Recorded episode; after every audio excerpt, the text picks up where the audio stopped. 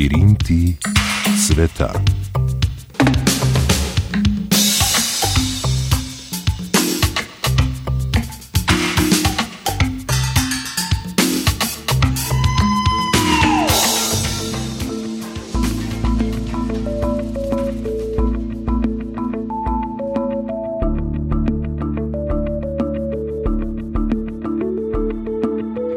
Morda se zdi prozaično, da nogomet postavlja standarde, vendar je prav dogajanje zadnjih dni v veliki meri povedno, v kakšnem svetu živimo in kako težavno je usklajevati različne interese v sodobni zahodni družbi, če ta želi biti in ostati demokratična.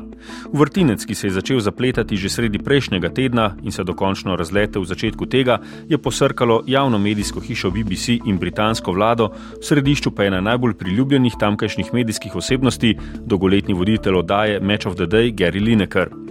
Kopije so se lomile na zapisu, s katerimi Lineker obtožil vlado, da kruto migracijsko politiko utemeljuje z besedami, ki niso bistveno drugačne od jezika nacistične Nemčije v 30 letih 20. stoletja.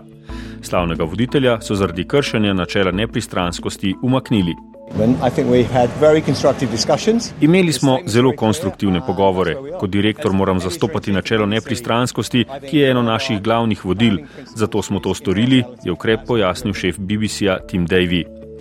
Linekarju so v bran stopili kolegi in iz solidarnosti odpovedali sodelovanje v svojih oddajah, če bo BBC ustrajal pri ukrepu.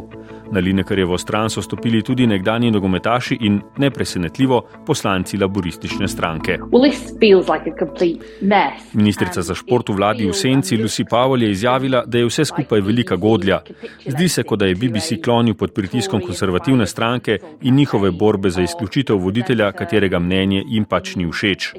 Pravijo, da jim gre za nepristranskost, a naj bodo previdni. V tem primeru so ravnali celo v neskladju s svojimi interesi in dosegli prav nasprotno od želene enega, dajo namreč vtis pristranskosti, saj se zdi, kot da so se podredili pritiskom vladajočih in na njihovo željo Linekarja umaknili iz etra, je bila kritična laboristična poslanka. Predsednik vlade Riši Sunak je to zanikal in ob koncu pokomentiral razplet.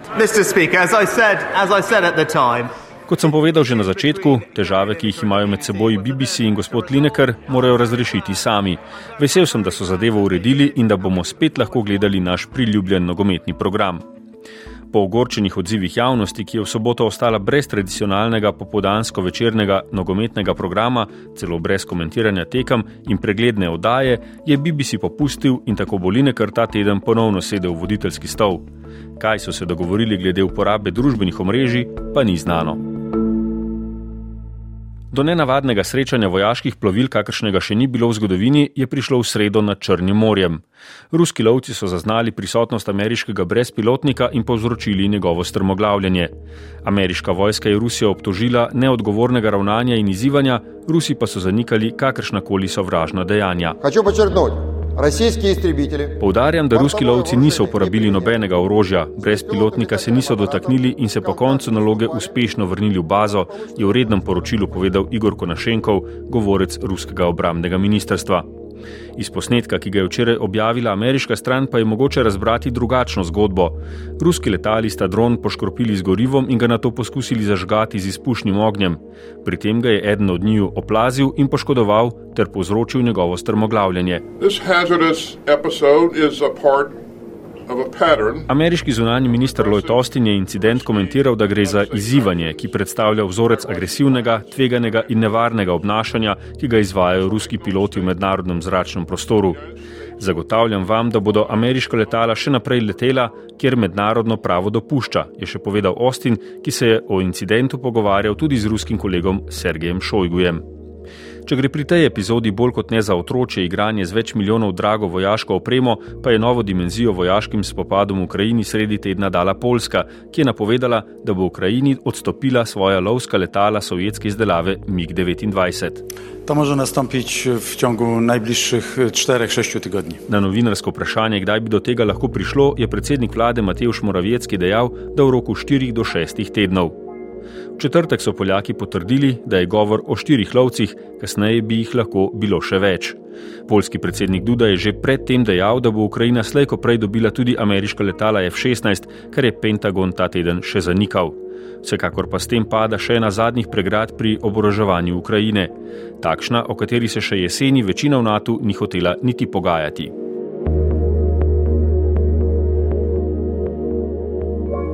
Za podobno zaostrovanje in skrb na strani Kitajske je poskrbelo partnerstvo AUKUS, kar je kratica za Avstralijo, Veliko Britanijo in Združene države Amerike. S tem paktom naj bi se države še tesneje vojaško povezale, Avstralija pa bo od ZDA v prihodnjem desetletju kupila jedrske podmornice. Takšen načrt je zmotil Kitajsko, saj predstavlja grožnjo njenim strateškim interesom v Indo-Pacifiški regiji. Kitajska je globoko zaskrbljena zaradi besed vodje Mednarodne agencije za jedrsko varnost o sodelovanju ZDA, Avstralije in Združenega kraljestva glede jedrskih podmornic in odločno nasprotuje prisili, s katero poskušajo sekretarjat prepričati, da prilagodi svoje varnostne protokole, je izjavil govorec zunanjega ministrstva Wang Wenbin in države pozval k izpolnjevanju svojih obveznosti ter spoštovanju IAEA. Zelo kritičen je bil do dogovora, po katerem bi Avstralija za 360 milijard avstralskih dolarjev prejela osem podmornic nekdani laboristični premijer Paul Keating, ki ga je označil za najslabšega v zgodovini.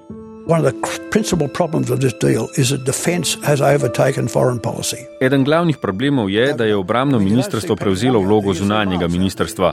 Na teh srečanjih ne vidim zunanje ministrice Penny Wong, pač pa obramnega ministra. Našo zunanjo politiko je prevzela vojska. Posledično se ne gremo več diplomacije, meni Keating, ki je dodal še misel, da je glavni greh Kitajske v očeh ZDA ta, da je njeno gospodarstvo enako močno kot ameriško in da tri podmornice nikakor ne bodo obvarovale Avstralije pred vojaško silo Kitajske.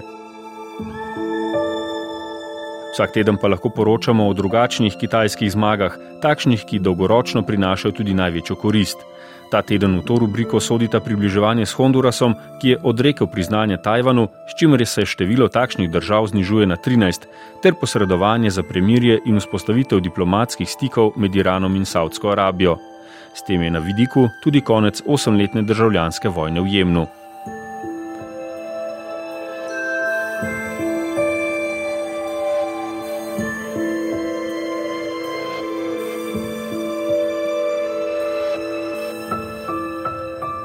Za Malavijem, majhno državo v vzhodnji Afriki, pa je peklenski teden iz drugih razlogov. V državi je zaradi tropskega ciklona Fredi v šestih dneh padlo toliko dežja kot navadno v pol leta. Fredi je obalo vzhodne Afrike dosegel dvakrat, vmes pa se je odbil od Madagaskarja. Vodna ujma je skupaj s poplavami in plazovi terjala najmanj 320 življenj v Malaviju in še več kot 100 v sosednjem Mozambiku ter na otokih Madagaskar in Reunion. Pa, pa, Prebivalec drugega največjega malavijskega mesta, Logasjano Misoja, je povedal, da ljudje ne razumejo, kaj se je zgodilo. Vlada je vnaprej opozarjala, a potem se ni zgodilo nič. Nevihta je bila uničujoča, razdejala je stotine hiš. Lahko sem srečen, da sem živ, mnogim to ni uspelo. Na prizadeta območja je prišel tudi predsednik države Lazarus Čakvera in obupan dejal, da je Malavi v izrednem stanju. Fredi nas je zaustavil v našem razvoju in nas potegnil nazaj, prav v trenutku, ko smo si poskušali o pomoči od preteklih tragedij. Na mednarodno skupnost je naslovil prošnjo, da pomaga Malaviju, saj država pomoč zdaj res nujno potrebuje. Naravna katastrofa bi lahko imela dolgoročne posledice za prizadete, teh je v petih državah več kot milijon. Zdravstveni delavci na terenu se bojijo novega izbruha kolere. Mimo grede, število žrtev po uničujočih potresih v Turčiji in Siriji se je povzpelo proti 60 tisoč, vsaj še enkrat toliko je ranjenih. Obnova prizadetih območij bo trajala desetletje ali več, že maja pa turške voljivce čakajo volitve. Ta teden se je opozicija poenotila glede kandidata za predsednika, Erdogana bo izzival ekonomist Kemal Kilič Daroglu.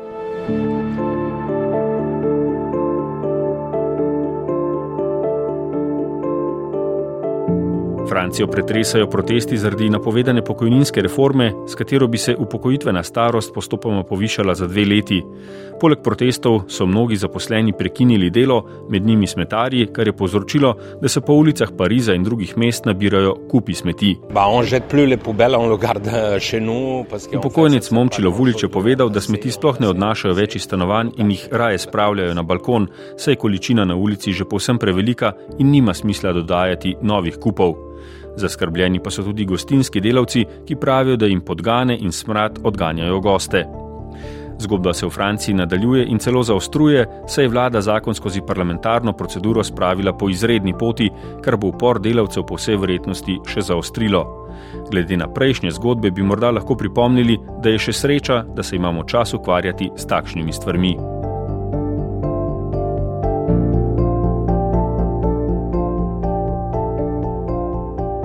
Tudi za konec pa nekaj zabavne industrije. V Los Angelesu so 95-tič podelili Oskarje, nagrade za najboljše filme preteklega leta.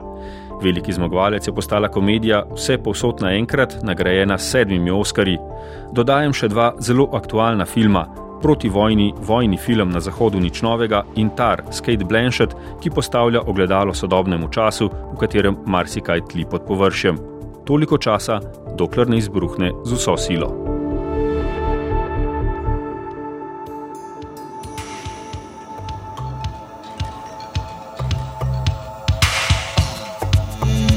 To so bili Labirinti sveta. Redna tedenska oddaja zunanje političnega uredništva Radia Slovenija, urednik Luka Robida, tonski mojster Vladimir Jovanovič, oddajo sem pripravil Matej Hrastar. Prisluhnete ji lahko tudi v našem spletnem arhivu ali med podcasti Radia Slovenija.